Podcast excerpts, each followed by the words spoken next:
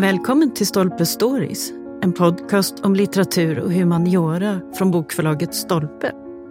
Vår värd för programmet heter Svante Tirén.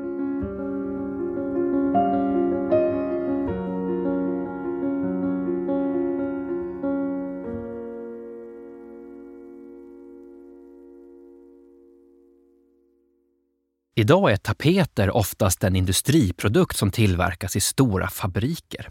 Men riktigt så enkelt var det inte förr i tiden. Då krävdes istället ganska många olika typer av hantverkskunnande. En tapetmakare behövde kunna blanda färg, tryckteknik, förstå mönster och en hel del annat för att kunna få till en fin tapet.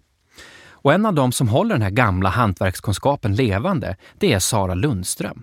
Hon arbetar på handtryckta tapeter på Långholmen i Stockholm. Där trycker man tapeter, border och rullgardiner efter historiska förlagor. Hon är också en av författarna till boken Tapeter genom tiderna. Och nu ska hon berätta lite mer om tapeternas spännande värld. Ja, välkommen Sara! Tack Svante! Du, vad gör en tapetmakare egentligen? En tapetmakare gör ju tapeter och för att kunna göra det så behöver du ha förståelse för mönster, för trycktekniker, för färg, färgblandning. Både så att säga i teorin och i praktiken för att kunna göra en tapet. Men det är så, du vill inte riktigt kalla dig tapetmakare ännu, är det så? Exakt så. Jag är inte det ännu. Min kollega Mats, han är ju tapetmakare. Han eh, gör alla delarna fast inte så mycket mönster. Och jag gör mer mönster. Men jag håller på och lär mig att eh, också trycka och så. Det har liksom blivit så, så som det ju alltid har varit i fabriker. För vi är ju en fabrik. Så blir det att man specialiserar sig. Ja, så snart kan du också titulera dig tapetmakare snart med fog. Mm -mm. Idag finns det ju stora industrier som tillverkar tapeter och trycksaker. Man trycker på en knapp och så drar det igång. Men förr i tiden, vem arbetade till exempel med att göra tapeter? där är det ju intressant att bara fundera på vad förr i tiden är. Men jag tittade lite på det där, sent 1700-tal i en fabrik, en riktigt, riktigt stor fabrik, tapetmakarfabrik i Frankrike, så fanns det 300 personer som jobbade. Och de var indelade i olika klasser. Eh, det var mönsterritare var den första klassen. Sen så var det målare och snickare var i andra klassen och sen så var det bärare och packare och pigmentrivare i tredje klassen. Och så var det barn i den fjärde klassen. Och sen så, förutom dem då, så fanns det också målare, mönstermålare som var liksom utanför de här arbetarklasserna, om man säger. Men det här är ju också en, en, väldigt, väldigt stor fabrik, även för sin tids mått. Om man jämför med en svensk fabrik vid samma tid, eh, Johan Normans fabrik, han hade som mest bara fem anställda tror jag. Att det var två gesäller och tre lärpojkar. Och sen senare så hade han också sin svåger som hjälp som skar själva de här tryckstockarna. Så det är ju en mycket, mycket mindre verksamhet. Men, men då blir det också att man blir mer eller mindre specialiserad. Så det man på 1700-talet kallade för en fabrik, ibland kanske det var lite mer det vi idag skulle kalla en, en verkstad? Ungefär. Absolut. Men vi säger ju att vi är en fabrik. Men du nämnde ju det där att det är väldigt många olika typer då av, av yrkeskompetens som behövs då. Alltså från mönsterritare, målare till de som kan snickra och hålla på med själva maskiner och sånt där. Just den här bredden, alltså gjordes allting där på plats eller samarbetar man med andra för att få till till exempel pappret och så? Det verkar som att de flesta har nog ändå fått pappret ifrån pappersmakare. Det är ju ett eget skrå, ett eget yrke att vara pappersmakare. Och så är det ju även för oss. Om vi ska ha vi köper ju papper. Antingen köper vi papper på rulle eller så köper vi papper på ark av just en pappersmakare. Om det ska göras tapeter på riktigt gammalt, antikvariskt riktigt så att säga, sätt. Ja. När man tittar på historiska tapeter så kan man ju fascineras av alla mönster och färger och sådär. Men hur gick det till när man komponerade? Vem, vem gjorde till mm. exempel ett mönster? Det är ju en mycket spännande fråga. Om vi tar återigen då Johan Norman. Det är sent 1700-tal. Han var den som hade den mest produktiva verkstaden, eller fabriken då, i Stockholm vid den tiden. Eh, där utgår vi ifrån att det var han själv som komponerade och ritade mönstren. Det finns ju forskning nu som precis eh, håller på och ska publiceras om att det var ganska vanligt att kvinnor var tapetmakare under 1700-talet. Eh, då var det ofta kanske att man var en konstnär, porträttmålerska eller så, som också jobbade med att trycka tapeter. Jaha, så det kunde vara lite extra knäck för en konstnär? Ja, det verkar så. Man har i bouppteckningar från en porträttmålerska var det så lite märkliga saker. Formar och bord och sånt som inte känns som en självklar arsenal för en, en konstnär. Men då förstod man att det var en tapet, det var utrustning för tapettillverkning. Och då är det ju naturligt att tänka sig att den konstnären också såklart formgav mönstren. Sen varifrån impulserna kommer, det är ju ytterligare en spännande fråga Sidenvävare till exempel, de blev skickade ut på studieresor runt om i Europa för att se vad som var modernt ute i Europa, främst Frankrike kanske, Italien. Och tog med sig de kunskaperna hem. Tapetmakare var ju mycket, mycket mindre verksamhet och hade ju inte ett så att säga, statligt stöd eller var liksom inte intressant på det sättet. Så att varifrån de impulserna kom, det kan man ju spekulera kring. Säkert tittade de också på textilier det påminner ju ganska mycket och papperstapeten är ju någonstans en, eh, ett billigt sätt att få exklusivare material på sina väggar. Och de vävda tapeterna och väggtextiler, de är ju lite förebilden eller föregångaren till papperstapeterna. Ja, precis. Stal man inte mönster ibland för varandra? Eller lånade kanske jag ska säga. Har, har det inte varit så? Absolut. Till exempel så finns det ju eh, det var en tapetmakare i Stockholm som också importerade tapeter och border ifrån Frankrike. Och eh, helt skamlöst kopierade dem och tryckte dem själv också. Och det fanns ju inte upphovsrätt på det sättet eller mönsterskydd på det sättet. Och det är ju, även om man tänker sig i relativt modern tid, tidigt 1900-tal, så är det ju väldigt, väldigt få mönster där man vet vem som har ritat mönstret. Även om det är så att jag vet att min farmors mor ritade tapetmönster. Hon jobbade på den fabriken. Kan ni hjälpa mig att hitta de mönstren? Det går inte. Det finns liksom inte upptecknat på det sättet. Och då blir det ju såklart mycket lättare att, att låna eller stjäla eller vad man vill. Så de flesta mönster är anonyma? De allra flesta mönster är anonyma. Ja. På 1700-talet då var det blocktryck som eh, dominerade. Va? Vad, hur går det till då? Då är det att du har en, någon form av ämne, ett träämne, som du skär ut mönstret i, ungefär som ett träsnitt. Man kan också, för, för, riktigt tunna detaljer så är det mässingslister som man kan böja så det blir jämna fina eh, böjar och snirklar. Mässingsstift kan man slå i i det här träämnet och man kan också slå i träpliggar om man vill till exempel ha en prick prickig yta så är ju det mycket, mycket enklare att slå i små pligg än att skära runda cirklar. Så först så bestämmer man sig att det var ett blommönster till exempel. Sen skär man ut det här i trä och kanske sätter in lite mässingsdetaljer ifall det är några fina linjer. Och sen går man till tryckbordet där pappret ligger framme och eh, ja, hur går det till sen? Mm. Eh, då har man som en stämpeldyna kan man säga, några lager med textil eh, som man penslar på flödigt med färg så att man så att säga, dränker in den med färgen. Och sen så trycker man det här tryckblocket mot eh, stämpeldynan och sen mot papperstapeten. Och om man går framåt i tiden då till 1800-talet, då kommer ju flera nyheter inom tapeter. En av dem är den ändlösa tapeten, va? alltså papperstapet på rulle helt enkelt. Mm. när är det det kommer? 1830 så kan man göra papper på rulle som är så pass god kvalitet så att det är idé att eh, valstrycka på det. Och valstryck är ju helt enkelt att man tar det här tryckblocket men lägger det runt en ja, så man gör som en kavel då, ja, istället för att det en, en mönsterkavel. Ja, en mönsterkavel. Och sen så är det en annan vall som hela tiden färgar in den här mönsterkaveln och sen så passerar pappret förbi den infärgade mönsterkaveln.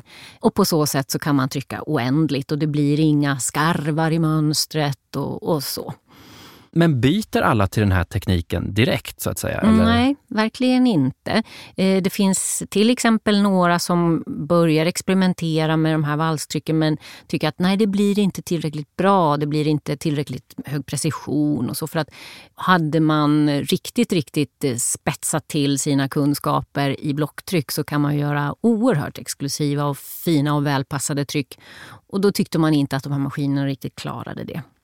En annan skillnad är att från början så kunde man bara trycka med en tryckfärg med de här valstrycksmaskinerna. Sen så blev det fler och fler. Men de allra mest exklusiva tapeterna som kanske innehåller 18 tryckfärger, det, det gick bara att göra med block under en ganska lång tid. Så det tog ett tag innan maskinerna kunde komma ikapp handtryckets eh, ja, kvalitet? det verkar så. Ja. Den här boken då, den heter ju Tapeter genom tiderna. Och där har du skrivit ett kapitel som inte handlar om tapeter faktiskt, utan om vad då? Om rullgardiner. Och vad gör rullgardiner i en bok om tapeter? Mm. Rullgardinerna är ju en väldigt, väldigt viktig del i en samkomponerad interiör, precis som tapeterna är. Och, eh, det finns också likheter i trycktekniken, till exempel. Blocktryck. Eh, det var ju först kanske på 1970-talet som rullgardiner började komma med mönster i sån oändlig bana. Innan dess så var det mera komponerade för den ytan. Även motiven är ju liknande, i perioder i alla fall, samma motiv som man har på väggarna. Och många tapetfabriker de tillverkade också rullgardiner. Ja. Och det gör ni även idag på Långholmen. Ja, just det.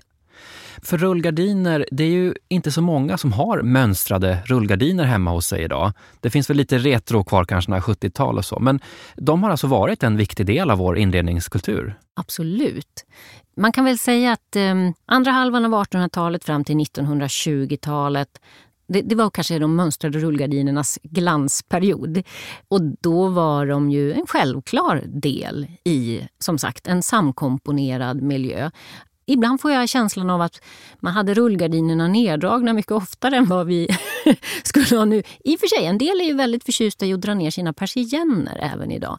Jag vet inte, men, men och då är det ju såklart väldigt intressant att rullgardinen är vacker och passar ihop med den övriga interiören. Men man kan säga att i slutet av 1800-talet till exempel, då var ett rum inte komplett om det inte hade både tapeter men också en mönstrad rullgardin. Mm. Såklart. Så. Och um, en mönstrad board till tapeten, ett mönstrat golv, gärna i linoleum, ett mönstrat tak, gärna med eh, tapet i taket eller målat. Och sen så till det då såklart olika mönstrade textilier, draperier, gardiner, kuddar, soffor, mattor. Eh, så att det var ju en eh, mycket mycket rikare mönstervärld. Ja, och det är väl den vi kanske har tappat kontakten lite med av. Idag är vi lite rädda för mönster, även om de är på återgång sägs mm. det. Men eh, den här mönstervärlden, hur är det att arbeta med det här och stå med färg och mönster så här dagarna i ända som du gör? Jag tycker ju att det är det bästa som finns, förstås. och alldeles, alldeles ljuvligt. Vi får ganska ofta frågor, ja men vad har ni för tapeter hemma? Och det är väl det där som man brukar säga med, vad är det, bagarens barn eller skomakarens barn eller vem det nu är. Att innan jag jobbade med tapeter så hade jag ett, kanske ett mycket större behov av att ha tapeter hemma. Det var liksom absolut nödvändigt. Nu så har jag märkt att det var länge sedan jag tänkte på tapeter för mitt eget hem.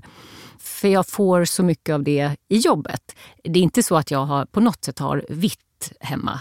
Men det är inte riktigt lika akut att fylla mitt eget hem med mönster eftersom att jag har det i mitt jobb. Du får din beskärda del av, av mönster i, i tjänst. Ja. Precis. Man kan ju studera det här med tapeter på olika sätt. Man kan skriva om dem, man kan titta i arkiv och forska och sådär. Men just att tillverka tapeter då med gamla metoder, och vad lär man sig om tapeterna då via händerna? Man lär sig ju för att få fram den här tapeten så behövs de här förutsättningarna. Eller så, uh, att tapeten ser ut så här är en följd av att tekniken såg ut så här. Det är ju en sån sak som man kanske inte tänker på eller nödvändigtvis får syn på på en gång om man bara tittar på tapeter. Nej, och man kanske behöver båda perspektiven, va? alltså både det hantverkskunnandet men arkiv och annat, att de får samspela. Ja, ja, oh ja, för det är ju ofta, ofta, ofta som vi söker oss till den litteratur som finns och till ja, de källor som finns och för att se ja, men hur kan det här ha varit och hur kan det här ha, varför blev det så här och, och så. Så det är ju verkligen ett samspel. Ja. Det mesta som ni gör på Långholmen det är ju rekonstruktioner av, av historiska förlagor. Och då förstår jag att ofta så skickar man in då ett fragment, en bit av en tapet, mer eller mindre helt, eller en rullgardin. Då. Mm. Så vad gör ni när ni får det där i handen? Vad är nästa steg?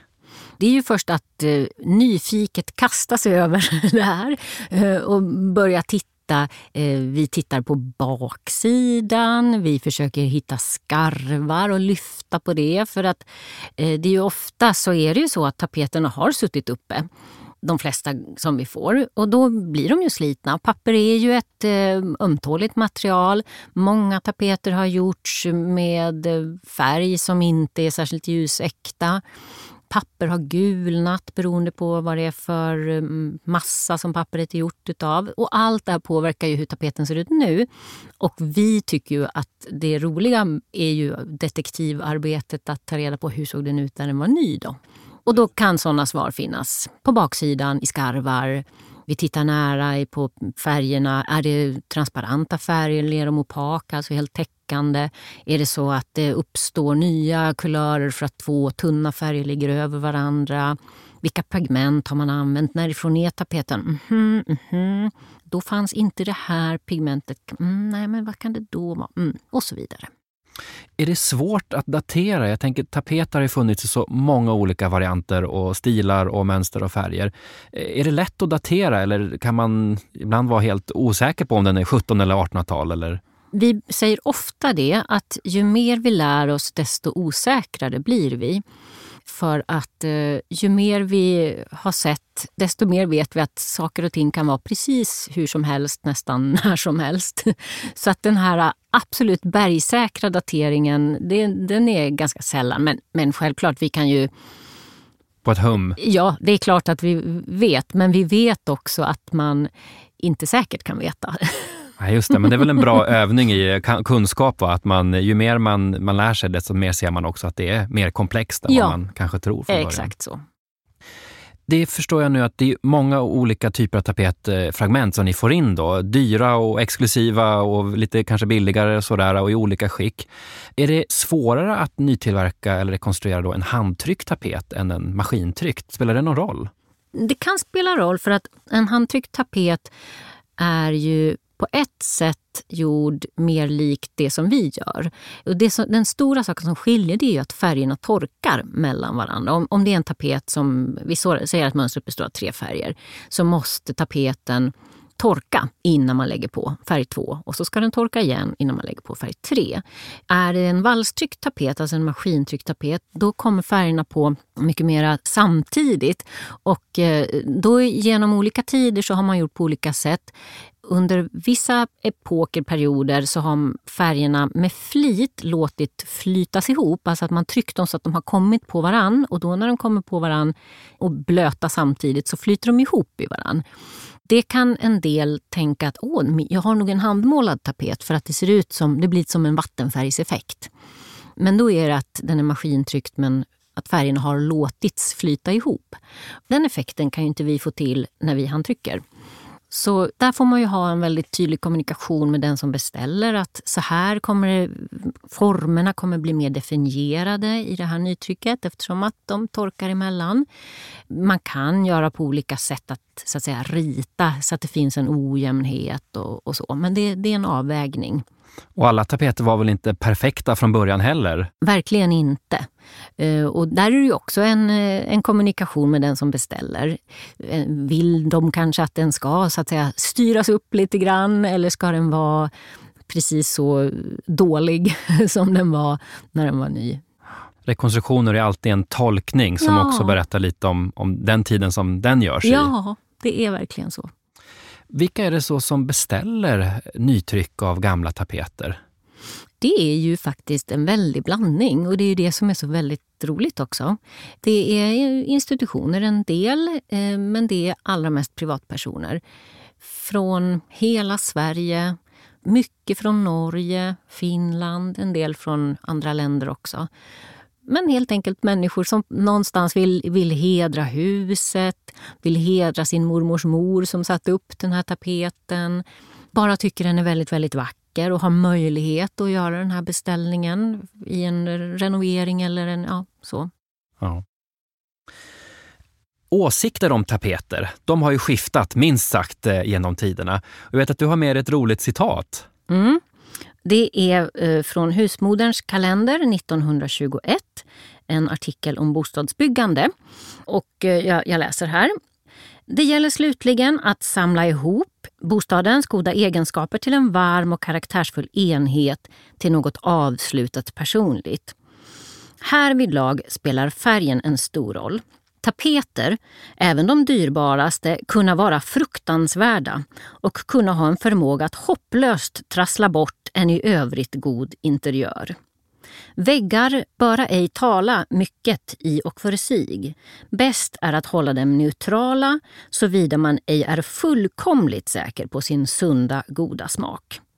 Det är svårt att efter ett prov bedöma effekten av en tapet. Det fordrar vana.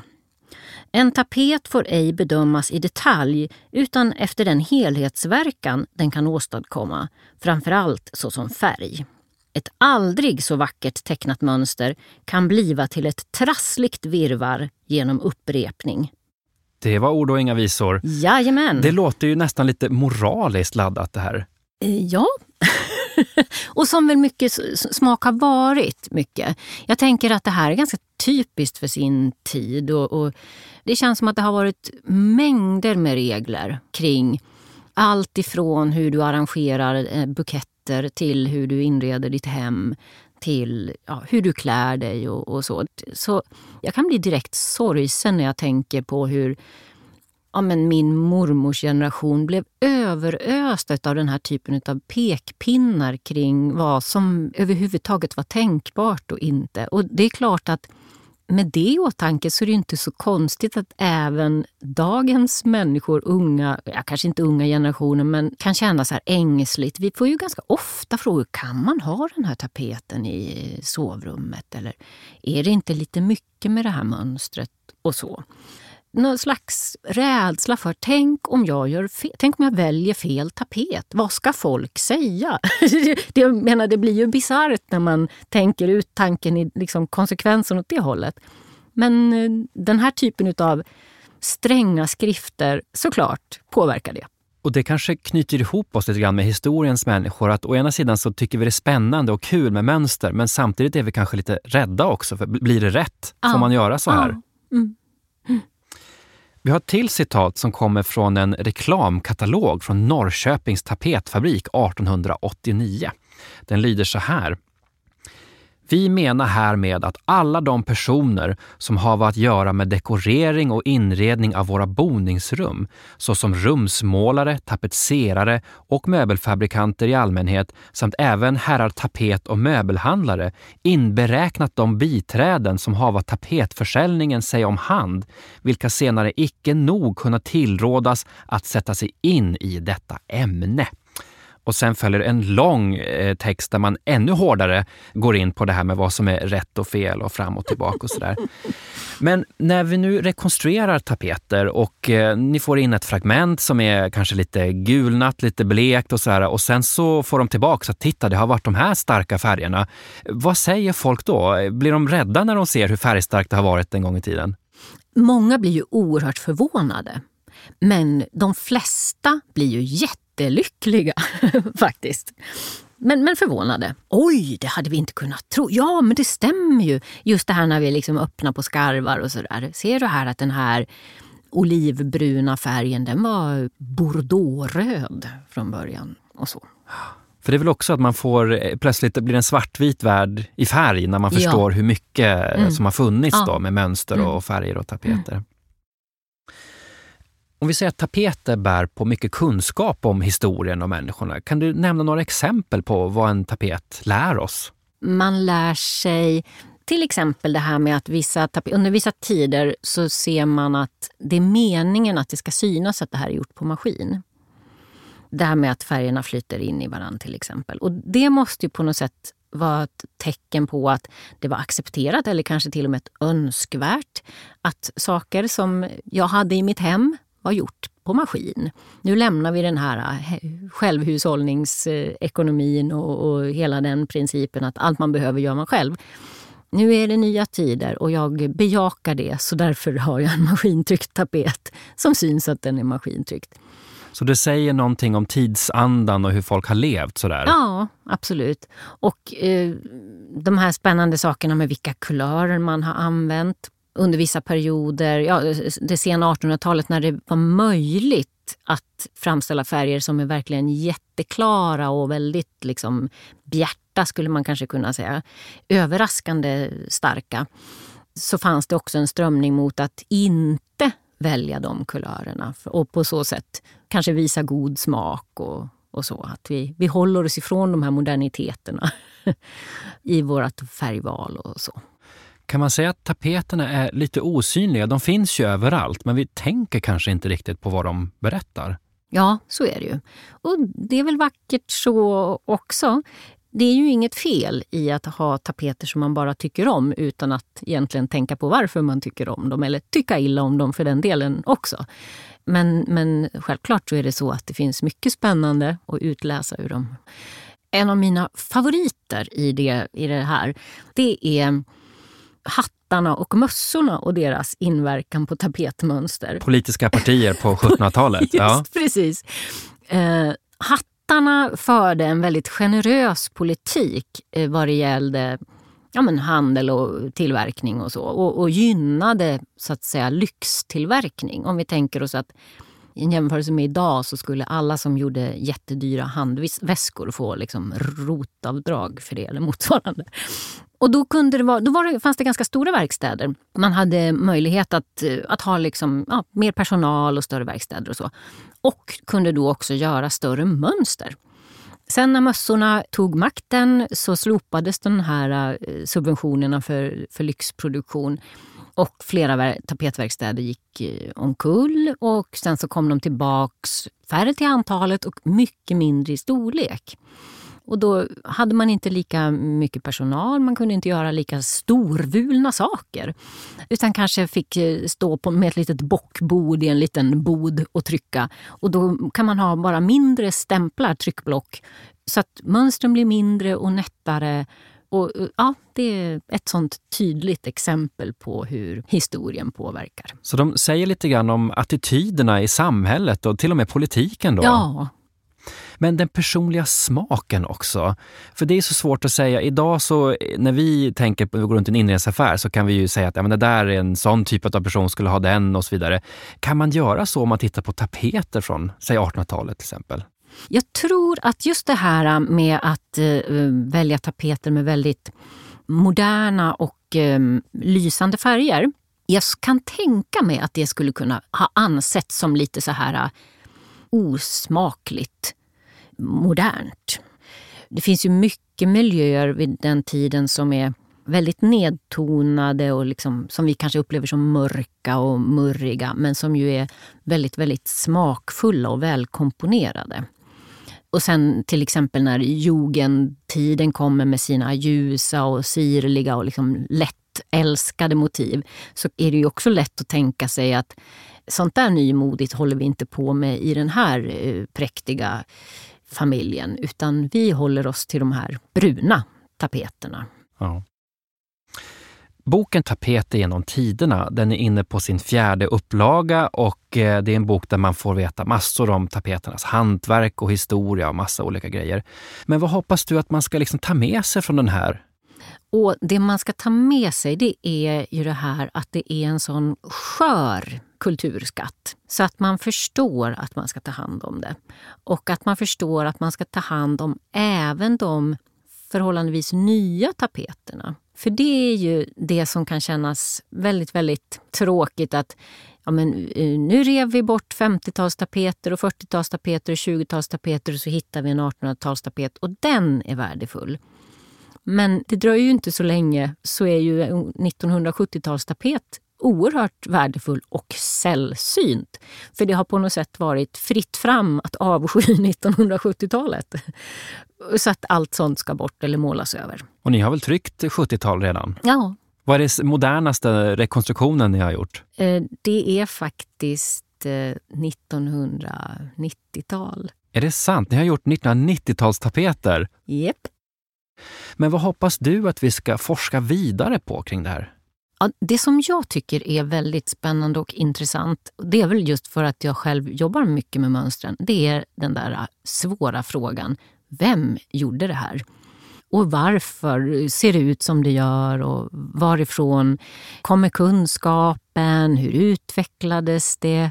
Fanns det så konferenser, kollegiala möten? Vart finns den källan? Liksom? Personerna bakom, mm. de som verkligen gjorde det här. Det är spännande. För det är en sån rikedom av mönster och stilar. Det är ju också så när man är så här nära inne i ett mönster så får jag ju liksom kontakt med den som har gjort det och kan se att vissa är ju genier och vissa är li lite mindre genier.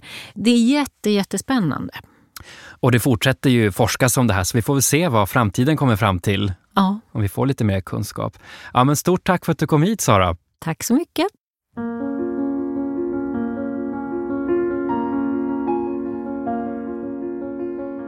Tack för att du har lyssnat på Stolpe Stories. Missa inte att du som lyssnar har 20 rabatt på bokförlaget Stolpes titlar hos Bokus.com. Aktivera rabatten genom att ange koden STOLPE20. Och för att lyssna på fler avsnitt, följ oss där poddar finns och på sociala medier.